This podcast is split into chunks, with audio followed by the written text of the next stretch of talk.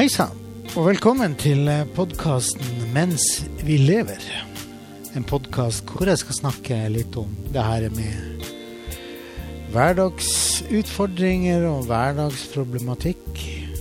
Og kanskje man med noen tanker og tips om hvordan man kan gjøre dagen sin så fin og så god som mulig. Da håper jeg det at dere får en fin opplevelse.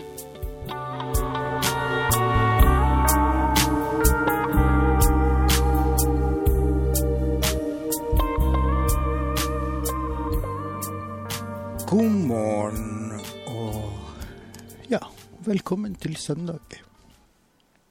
Jeg sitter her eh, med kaffekoppen min og har akkurat eh, ja, Jeg har sittet og hørt litt grann på Siri og hennes gode hjelpere på radiokanalen. Det er så interessant, og, og innimellom så syns jeg det er litt artig å sitte og høre på dem. Fordi de tar jo opp hverdagsutfordringer som, som folk eh, kommer med, altså sender inn. Og så diskuterer hun med sine gjester. Og, og jeg syns det er litt interessant å ja, sitte og høre på, høre refleksjonene deres. Og, og uh, her i går, på lørdag, så, så var det det var det et tema som dukka opp som jeg egentlig ble litt sånn hm. Det handler om eh, eh, hva slags forhold man skal ha, og bruker jeg ordet mann. Eh, hva slags forhold skal man ha til sine ekser? Og er det og, og greia liksom, er det greit å være venn med dem, eller skal man liksom eh, kutte dem ut helt uavhengig. Liksom, og, og, spesielt hvis man da er i en ny relasjon. Og alt, eh, altså alt handler jo egentlig om, om eh, sjalusi. Altså det her med å være sjalu på sin partners eks. Og det er jo sikkert en sånn her Jeg tenker det jo Jeg trenger å gå lenger enn til mine mine tidligere eh, relasjoner, for å si det sånn, for å bruke et sånt litt sånn pent ord.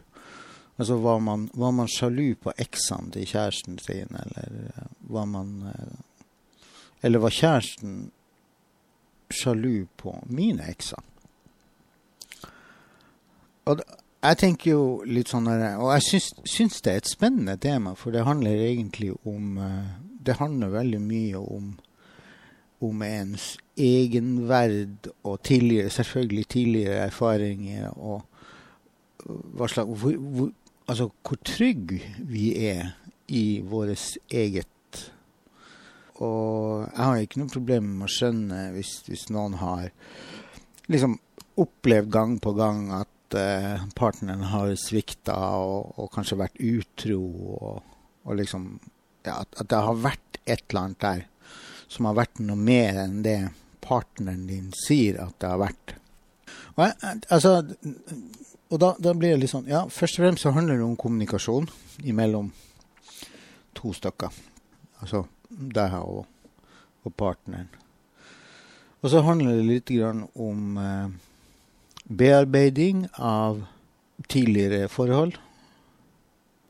Og det her, så, så, har det litt med hva slags tanker man har om utroskap og, og ja, hvordan håndterer man uh, utroskap. Og, og, det er jo ikke noe det er ikke noe fasit på noen ting. Men uh, denne episoden i dag tror jeg blir litt sånn personlig, har jeg en følelse av. Fordi jeg liker jo å illustrere ting gjennom å fortelle konkrete episoder eller handlinger som det handler mye om, om det her med, med, å dele personlige opplevelser og erfaringer. er jo med på kanskje sette ting litt i perspektiv i forhold til, til andre. Altså hvordan dere gjenkjenner, om det er gjenkjennelseseffekt i det jeg sier. Men i hvert fall så, så har det jo liksom vært eh, Altså, jeg har vært en person som har vært veldig sjalu før. Og det er jo Altså, sjalusi, det er jo grusomt det er jo en indre kamp, da. Fordi at, at man eh, hva, hva, er det du bunner i? Altså, hva, hva er det, hvorfor er vi sjalu? Jo, vi er sjalu fordi at vi er glad i vedkommende som vi er i lag med. Også. Og så er vi redd for å miste dem. Og eh, så tenker jeg også det at årsaken til at man er sjalu, det er jo det at man har et visst bilde av seg sjøl. Og at man eh, kanskje ikke er sin egen beste venn. Um, har et litt lavt selvbilde. Og det igjen, det, det liksom bunner jo ut i evnen til å bearbeide ting, og evnen til å, å stå i sine egne opplevelser. Og hvor reflektert man er i forhold til seg sjøl. Og for min del så har jo jeg jeg har jo vært en person som har vært livredd for å bli forlatt. Og den frykta for å bli forlatt har jo gjort det at jeg har vel kanskje vært veldig dårlig på å fortelle hvem jeg er. Og hva jeg ønsker, og hva er det jeg syns er greit og ikke greit.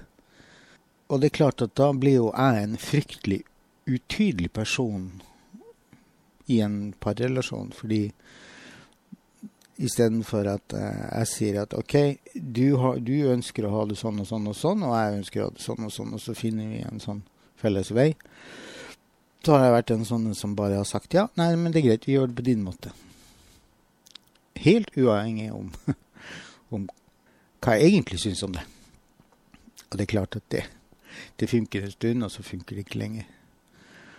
Og jeg ble nødt til å gå noen skikkelige runder med meg sjøl for å, eh, For jeg forsto ikke hvorfor jeg ikke fikk det til. Jeg forsto ikke hvorfor det her er mennesket som jeg møtte, som jeg var så fryktelig glad i, og, og for så vidt også er. Jeg forsto ikke hvorfor jeg ikke klarte å være i det forholdet. Det er klart at det, det er jo er mange årsaker til at ting ryker. Men, men det her med å kommunisere hvem man er, altså fortelle hva er det jeg liker, hvordan ønsker jeg å ha det, hvordan ser jeg for meg eh, vår parrelasjon, hva er det som er viktig for meg å ha i livet mitt, og hva er det nå, hva er det jeg aksepterer og ikke aksepterer. Og at begge to liksom tar en skikkelig runde på det, for meg så, så, så, ble det liksom veldig avgjørende. Og, og det var sånn der at eh, OK, jeg kan ikke gå inn i noe parforhold før jeg vet hvem jeg er. Og jeg kan ikke, jeg kan ikke gå inn i et parforhold hvis ikke jeg klarer å, å stand my ground.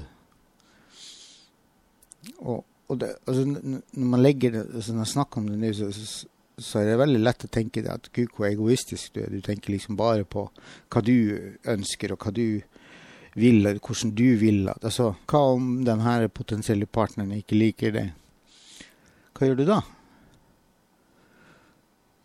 Og da er det noe med å, å kanskje ha litt grann eh, ha, ha, litt innsikt i hva er det som gjør at jeg kan være den beste utgaven av meg sjøl? Å formidle det, og også akseptere at den andre gjør det samme. Og at den andre også får lov til å stå i det bildet med sin, altså, med sin bagasje eller med sine ønsker og behov.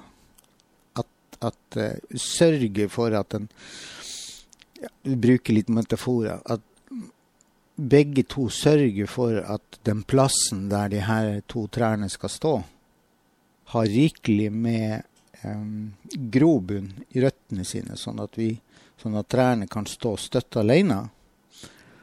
Og heller da at, at trærne kan liksom vikle greinene sine inn i hverandre og hjelpe hverandre med å stå oppreist. Og for at et, en parrelasjon skal få til det, så er det ekstremt viktig at man klarer å formidle det. Altså klarer å snakke om sånn og sånn og sånn. Det er det som gjør meg lykkelig. Det er det som som får meg til å, å blomstre. Det, det, er det som gir meg energi. Og da blir det jo litt sånn OK, jeg tror det at hvert eneste menneske er akkurat god nok som de er, med sine greier. Uansett hva det er. Med, med noen få unntak hvis, hvis, du rett og slett er slem, og du, du bruker alle alle teknikker for å trykke ned den andre, men da Hvis du er en sånn person, så bør du jo ikke være i noe parforhold. Men eh, at hver og en, altså at begge to får lov til å um, stå i den plassen de trenger. Og eh, da skal vi gå tilbake igjen litt til det her med det jeg starta med. Hvis man har et sånt grunnlag i en parrelasjon hvor man i, i starten, og det tenker jeg er nøkkelen, at man tar seg tid til å lytte til hvem er den, den andre.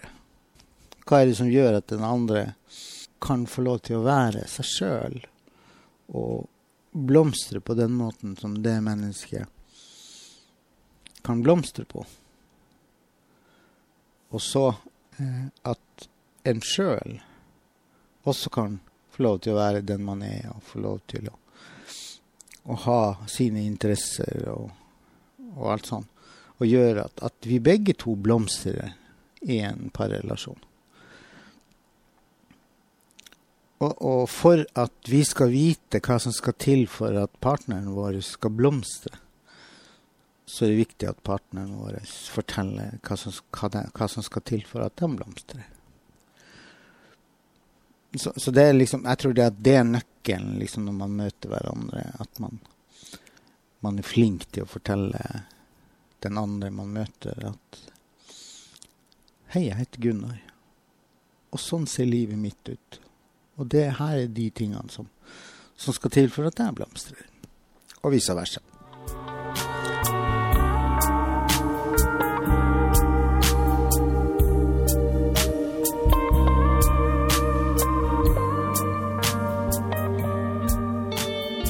Og så er det det her med, med sjalusien, da. Hvordan dealer man med, med ekser? Da tenker jeg det at hvis man tenker litt på seg sjøl, eh, hvordan dealer jeg med eksene mine?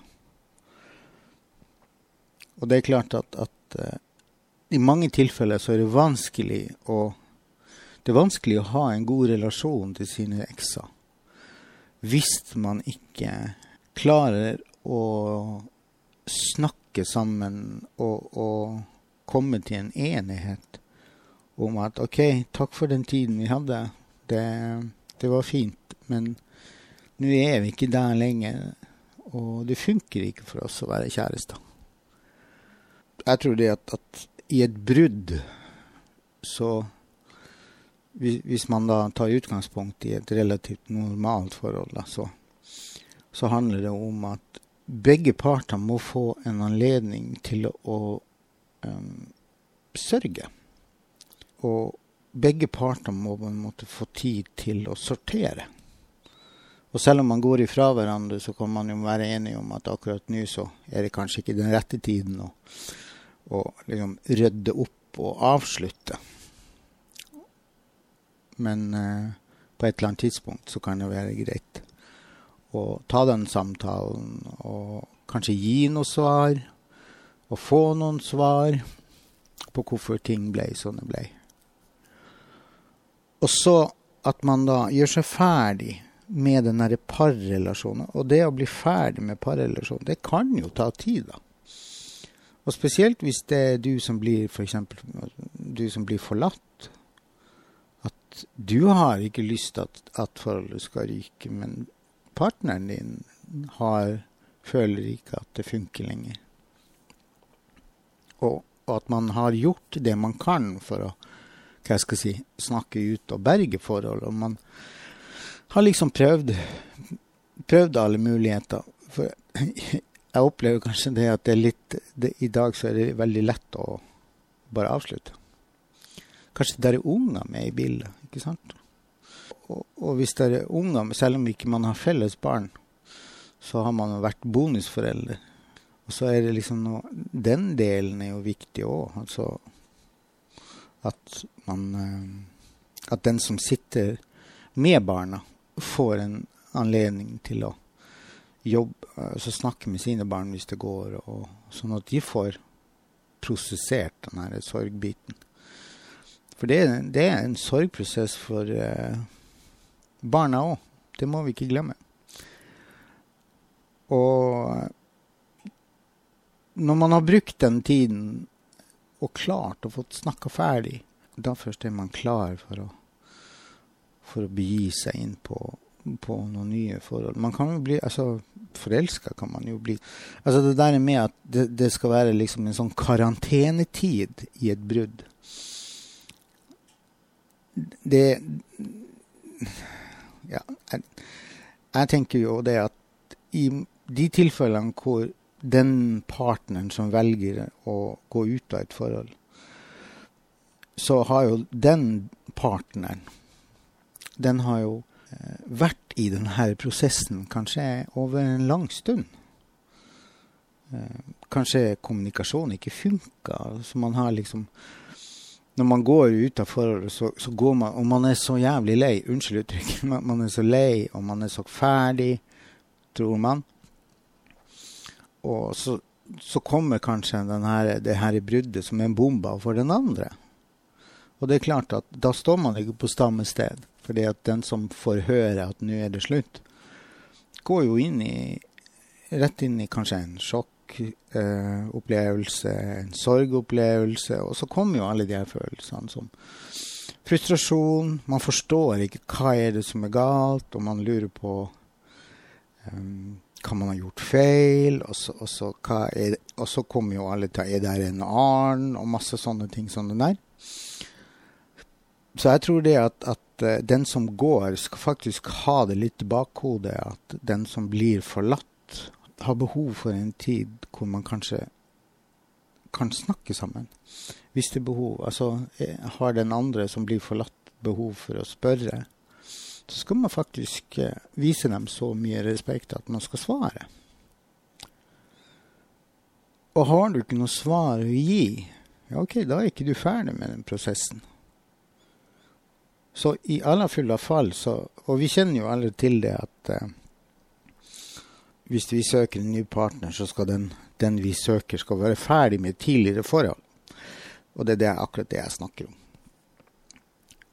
Og hvis man, hvis man, tar seg god tid i, en, i, en, i et brudd, og, og gir, gir, både seg sjøl og den, den, partneren som du har vært i lag med, gir, begge dere den tiden det tar for å, å bli ferdig, Å bli ferdig på en god måte, vil si at, at uh, de her, alle de her steinene som trengs å bli snudd, er snudd. Så tror jeg det at uh, for, for, din egen del så er du da, da, først er du klar for å gå videre. Og um, relasjonen du får til din da eks, den uh, I noen tilfeller så kan man få bli venner hvis man, hvis man klarer på en måte å forlate det her forholdet på en, en ryddig og ordentlig måte.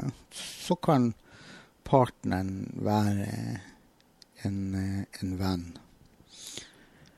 Uh, og så skal man også ha det i bakhodet, det at, at uh, den du da eventuelt møter litt lenger ned i veien, at, at man er veldig tydelig på at uh, jeg har En del av nettverket mitt består av kanskje tidligere ekser som jeg har gjort meg ferdig med, og vi er ferdig som, som kjærester, men vi har en, en, god relasjon. Og den ønsker man å, å beholde. Og, og, så må man jo, eh, hvis man da treffer en ny en, så må man jo liksom gjenta den prosessen, da. At når du møter noen nye, så, så er det viktig at man forteller hvem man er, og alt handler om, om uh, trygghet. Alt handler jo om, om um, ærlighet, oppriktighet, åpenhet. Um, for det, det, er liksom sånn hvis du skal gå rundt og ha hvis du skal gå rundt og ha et, et hemmelig vennskap med din eks i frykt for at den nye kjæresten du da eventuelt får, skal bli sur og bli sjalu, så tenker jeg det at det er et veldig dårlig utgangspunkt. Så, så jeg tror det at, at uh, åpenhet er veldig viktig. Og det her er med hvordan, hvordan vi rydder opp i vårt eget kaos, blir faktisk en sånn hva skal jeg si, det, det, blir en, en, det, blir noe positivt som vi bringer inn i en, et nytt forhold. For det, det er noe med å vise det at jeg er en sånn type som sørger for at, at uh, når jeg gjør meg ferdig med ting, så gjør jeg meg ferdig med ting. Helt ferdig med ting. Og det vil jo da få den her nye personen som uh, man møter, da, uh, vil jo være med å gjøre at den, den personen får et godt bilde av det. Og så må vi også tenke liksom på det at den her nye personen som vi møter, den har sin historie da tenker jeg det at hvis jeg, møter, hvis jeg, skulle møte en potensiell partner, hva er det som er viktig for meg at den partneren har av egenskaper? Ikke sant? Og da kommer vi jo inn på det her med å være klar over hva man ønsker å ha i livet sitt. Og hvis du møter et menneske som har veldig mange fine egenskaper, verdier, og du blir forelska, men hvis vedkommende da har problemer med å snakke kanskje om sine tidligere forhold, eller har problemer med å deale med Altså å håndtere hvordan man står i vanskelige ting. Og, eh, og samtidig også ta høyde for at det er kanskje ikke alle som har lyst til å dele hele livet sitt med deg med en gang. Og at eh, de ikke kanskje liker å snakke om sine ekser. Og vi har alle sammen bagasje eh, som vi har med oss. Og tidligere forhold er jo en del av den bagasjen. Og tidligere forhold og hvordan man, og hvordan man har valgt å løse ting tidligere. Og sjøl om man valgte å løse ting sånn og sånn og sånn før, så trenger det jo ikke bety det at, at man er sånn i dag. For jeg tenker jo det at hvis man har et bevisst forhold til seg sjøl, og man, man, kanskje ønsker å bli en bedre versjon av seg sjøl, så, så, går man også noen runder med hvordan man løser utfordringer og problemer. Og jeg har, i, i den jobben som coach så opplever jeg liksom det at veldig ofte at mange sliter med tidligere forhold fordi at de ikke klarer å snakke sammen. Og de, eh, og de, de, liksom, de, sitter på hver sin side av bordet, og så skylder de på hverandre at det gikk til helsike. Og, og, når jeg da spør ja, hva, slags, hva har du gjort i forhold til deg sjøl? Altså, hvordan har du, har du gått inn og sett på din rolle i det? For det er aldri det er aldri én part sin feil. Der er Man må være to for å danse tango. Og har du vært i et forhold f.eks. For med psykisk eller fysisk overgrep, vi kan jo kalle det for det, så, så det er klart det at, at ditt ansvar i den delen er jo det at du kanskje ikke har satt de grensene som du burde si sette. Og du har forblitt i den relasjonen som har vært giftig fordi at du har hatt problemer med å, å, vite hva du skal gjøre for å komme ut. Og det er jo mange, altså opplever mange som har hatt kanskje ett, og kanskje flere forhold også, som har vært giftig i den forstand. At det har vært en sånn derre maktubalanse, hvis man skal kalle det for det. At eh, den ene parten har vært eh, had, hadde liksom et sånt tak på den andre. Som har gjort det vanskelig for den andre å ja, bryte ut. Og hvor kommunikasjonen har vært overhodet ikke til stede i det hele tatt. Og da tenker jeg det at hvis du har vært i et parforhold, eller er i et parforhold, hvor du eh, blir holdt nede, og, og, du kanskje har en partner som, som både psykisk og fysisk kanskje er, er slem med det.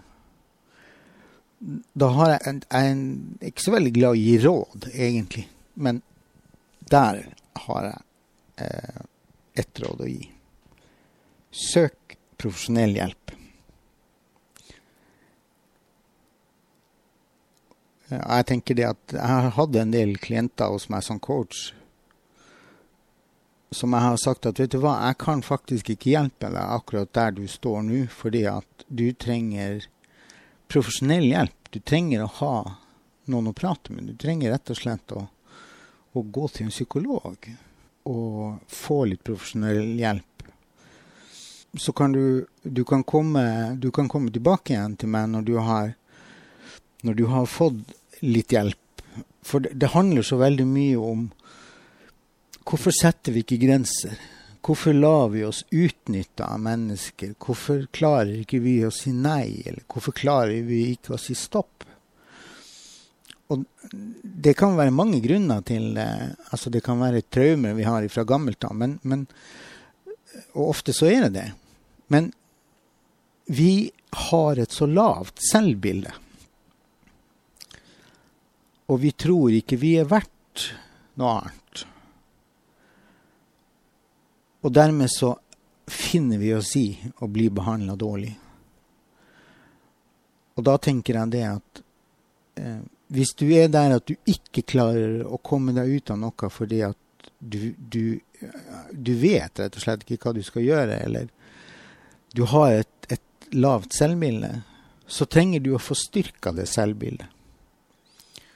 Og for å få styrka det selvbildet, så er det sånn at vi av og til trenger å gå til en psykolog. Jeg har vært hos psykolog eh, to ganger i livet mitt hvor jeg eh, sto i situasjoner som jeg rett og slett mista fullstendig. Jeg hadde ikke sjans til å håndtere det alene. Det var så tungt, og det var så vanskelig. Og eh, mitt selvbilde lå under teppet. Og jeg hadde egentlig ikke grunn til å ha noe dårlig selvbilde, tenkte jeg da. Eh, fordi at jeg, jeg, den, jeg har liksom alltid vært positiv og blid. Og... Men gjennom mine møter med psykolog så har jeg jo sett det at, at um, jeg har gått og båret masse frykt i meg. Jeg har vært redd for å bli forlatt. Jeg har vært redd for, for at ikke folk skulle like meg. Altså, og det er sånne, sånne, det er sånne ting som vi alle sammen eh, kanskje kjempe litt med av og til. Frykta for ikke å bli akseptert, frykta for ikke å bli godtatt. Ja, frykta for å bli forlatt er jo kanskje veldig mye ofte til stede. Og det er veldig mye sånne fryktrelaterte årsaker til at man enten blir i et giftig forhold, eller at man blir sjalu, f.eks. Det er noen som sier at sjalusi er sunt. For det viser det at du evner å ha følelser. Og så tenker jeg ja, det, det er for så vidt en sannhet med visse modifikasjoner. Fordi jeg tenker det at uh, hvis du går rundt og kjenner på sjalusi, så er det helt klart pga. følelser. Men hva slags følelser? Og kanskje det, kanskje det er fryktbaserte følelser som gjør at du er sjalu. Du har vært i forhold hvor du er blitt eh, bedratt. Hvor partneren din har vært utro. Og jeg har, har, vært i forhold hvor jeg har blitt eh, bedratt. Hvor partneren min var utro. Og den første gangen jeg opplevde det, så jeg, Fordi jeg er et følelsesmenneske, så det gikk veldig inn på meg. Og, men jeg hadde liksom ikke Jeg klarte ikke å gjøre det slutt, fordi at jeg var så ekstremt glad i henne.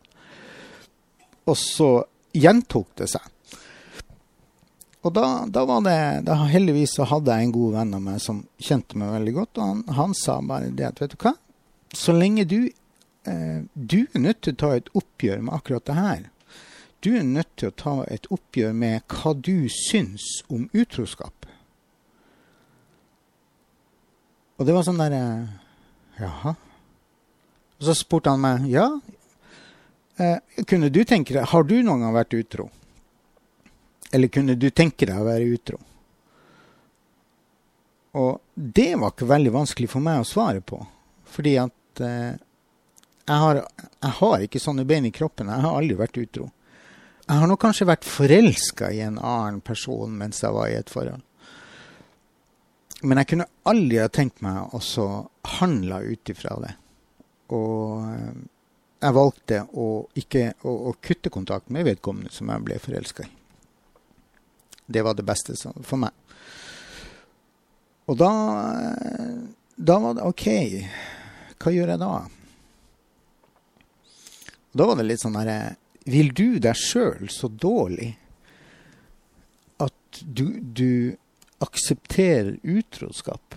Altså vil du deg sjøl dårlig at partneren din viser så liten respekt for deg, og viser i handling at de ikke er tilstrekkelig glad nok i det. Da sånn, ja, måtte gå en runde eller to eller tre med meg sjøl. Og, og, nei, det her det finner jeg meg ikke i. Jeg aksepterer ikke utroskap. Fordi at jeg er ikke utro sjøl. Jeg vil ikke leve med det. Vil, jeg, hvis ikke folk kan respektere meg nok, og hvis ikke folk er glad i meg Nå sier jeg folk, da, men hvis jeg er i en relasjon som, hvor partneren min ikke er tilstrekkelig glad i meg, og ikke evner å ta det opp og snakke om det, og heller går ut og, og har seg med andre, da fortjener ikke dem meg. Og jeg husker det den første gangen jeg, jeg skulle ut av et forhold hvor det var utroskap. Jeg var vettskremt jeg var altså så, Hvordan skal jeg hvordan tenke hva som skjer nå? ikke sant? Og jeg skapte noen eh, bilder i hodet. Altså, da, da, kan det og det og det og det skje. Så, så, jeg var livredd. Jeg syntes det var pyton. Det var grusomt. Men når jeg tok det oppgjøret og sa det at eh, jeg kan ikke være sammen med deg lenger, fordi at du, nå har du vært utro to ganger. Jeg aksepterer ikke utroskap. Så uansett hvor glad jeg er i den, så kan jeg ikke Jeg kan ikke være sammen med deg, fordi at jeg kan ikke leve med det. Og det er klart at altså, Og ble jo møtt med Først ble jeg møtt med masse gråt og sinne og beklaga seg og Som man ofte gjør. Og så, så kom det sinne. Og og tårene var kanskje ikke så vanskelig for meg å håndtere. Men det som, som jeg syntes var vanskelig, det var det sinnet som kom. At hun ble så sint. Og alt det hun klarte å lire ut av seg om hvor fæl jeg var, og bla, bla, bla. Ja, jeg bruker bla, bla, bla. For det var egentlig det det var. Det syns jeg faktisk var verre. Jeg synes det var verre å stå i akkurat det. For det trigga jo direkte den her frykta mi for å bli forlatt. Og nå var det jeg som forlot. Så det var beintøft. Og det var, jeg brukte mye tid på det etterpå, alene. Hadde jo heldigvis gode venner som jeg kunne prate med. Og sånn. Og de var liksom, de klappa meg på skuldra. Altså, 'Gunnar, jeg er så stolt av deg, fordi at endelig så står du opp for deg sjøl.' Og eh, det var jo, akkurat da så var jo det en veldig god bekreftelse å få for meg, da. Og neste gang jeg møtte utroskap Det som var litt interessant, det at når jeg gikk inn i det forholdet, så snakka vi om utroskap. Og for jeg spurte hva slags forhold har du til utroskap, og fikk liksom det så nei, det aksepterer jeg ikke. Og det, det liksom Men det kommer jo an på hva det er. Og så var det sånn Det kommer jo an på hva det er. Og da ble jeg sånn Ja, OK. kommer an på hva det er. Ja, for det her er med at, at hvis det var i fylla en gang, og det skjedde bare én gang, så var ikke det nok til at man går ifra hverandre. Og så tenkte jeg ja, OK. Hm. Syns, jeg syns jo det er vanlig. Fordi at i min verden så var det sånn at enten så er du enten så er du i lag med meg, og da er du ikke utro. Punktum. Og er du utro, så er det over. Og det sa jeg altså, det at utroskap er Jeg har null toleranse for utroskap. Og skjer det, så er det goodbye. Da går jeg. Og så skjedde det. Og eh, fikk jo vite det via omveier, da. Og da var det sånn eh, Fikk vite det, så kjente jeg det at eh, Jeg var ikke Jeg følte meg ikke som et offer lenger. Jeg, jeg, jeg kjente at jeg hadde en opplevelse og en erfaring av det å stå i utroskap. Og at jeg hadde kommet seirende ut for min egen del i forhold til mitt eget selvbilde ut av den forrige episoden. Og da var det plutselig veldig Altså, enkelt var det ikke. Men eh, jeg konfronterte vedkommende med det og sa det at eh, du, du, husker samtalen vi hadde om det med utroskap, og nå har jeg fått høre det at du har vært og hatt deg med din eks, da noe som vedkommende selvfølgelig benekta, da. Og, um, og da, det er klart at uh, da er man jo Altså når man kommer dit, så er man mistenkelig. Og så kan man jo ta det Altså, jeg, jeg tok den ikke så veldig langt ut i forhold til den mistenkeligheten. Men jeg sa det til og det at, at eh, jeg har fått høre det fra sikre, sikre kilder. Og jeg har ingen grunn til å tro at de skulle lyge for meg. Um, men jeg må samtidig også eh, stole på at når du sier at det ikke er tilfellet, så er det ikke det. Og da Og så ble det med det, men eh, da, var da, var jo vedkommende klar over at jeg visste. Og så gikk det jo en stund hvor det var liksom veldig fint og flott, og så får jeg en telefon da, av, en, av en venn av meg. For da var hun jeg var sammen med, ute på byen. Og så får jeg en telefon, og så sier vedkommende som ringer meg, at eh, du, nå er din kjære ute på byen og svinger seg. og og sitter i, hjørnet der vi er nå og, og kliner med en fyr. Og, ja. og det er den samme. Så sier jeg ja vel, OK, hvor dere er Sånn og sånn og sånn. Så drar jeg ned. Og eh, går inn, og ganske riktig, der sitter hun på fanget til en fyr og ser ut som de ordentlig har det fint. Og eh, så blir jeg stående og så ser jeg litt på det der. Og så tenker jeg, hva gjør jeg nå? Skal jeg lage et helvetes drama? Eller skal jeg bare gå bort og gi meg til kjenne og så si det at uh, Det her som du gjør nå, det aksepterer jeg ikke. Og så bare gå. Og jeg gjorde jo det sistnevnte, da. Jeg gikk bort og så sa jeg det at uh, Jeg syns det er trist å se at du sitter her med han, men det er jo valget ditt. Så da vet du Nå vet du at uh, jeg pakker snippesken min, og så forlater jeg deg. Og, da, og så snudde jeg meg, og så gikk jeg bare. Og det var ikke, sånn, ikke noe sånn demonstrativt. Det bare gikk. Og da kom jo selvfølgelig frøkna etter meg, da. Og hun lager jo en scene ut av en annen verden, men hun var jo full, da. Så jeg sa bare det at uh, Du trenger ikke å komme hjem i dag. Du kan, uh, du kan legge deg inn på hotellet i morgen. Og så når du er ædru, så snakker vi sammen. Jeg drar hjem og begynner å pakke. Jeg dro jo hjem, men jeg begynte jo ikke å pakke. Jeg gikk jo bare og la meg. Men det var jo grusomt vondt og vanskelig. Men, men det var liksom Det var helt forferdelig. Og hun kom hjem dagen etterpå. Hun kom ikke hjem den kvelden. Og det, Ja. Det er ikke noe vits med detaljer, da, men jeg hadde, Da hadde jeg pakka. Og så hadde jeg alliert meg med en kompis av meg om at jeg kunne komme og være hos han. Uh, så jeg hadde et sted å være. Så sa jeg det at uh, nå uh, drar jeg bort, og så kontakter jeg deg om en ukes tid. Og da håper jeg det at du har fått lagt bak deg det her såpass mye at vi kan sette oss ned som voksne og snakke om ting.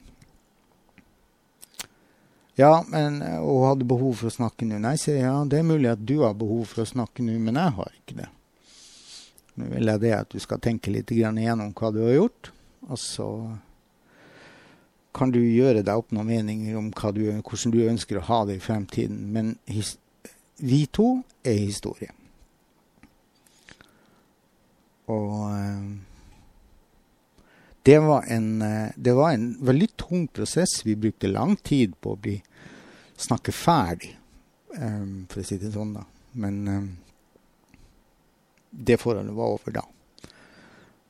Og, og, det det lærte meg, det var jo det at uh, skal du uh, for, I hvert fall for meg så var det sånn at, at jeg gjorde Jeg vet at jeg gjorde det på en ordentlig måte. Jeg vet at jeg gjorde det på en ryddig måte. Jeg vet jeg var ikke en drittsekk.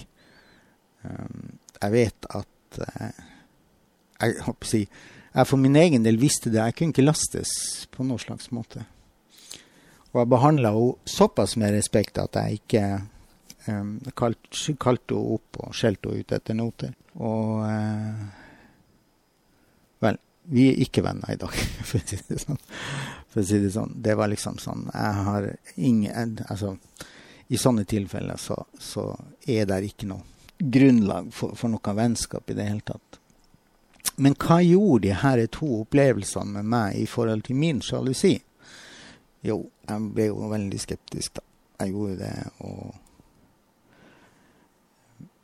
Jeg hadde en periode hvor jeg ikke Jeg hadde ikke tillit i det hele tatt.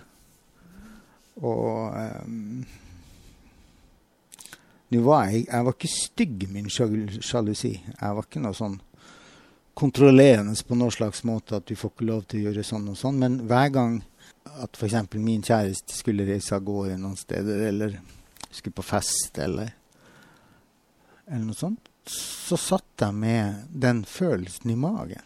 Altså, jeg satt med den uroen over åh, Tenk om det skjer igjen. Jeg vet ikke om jeg orker det her.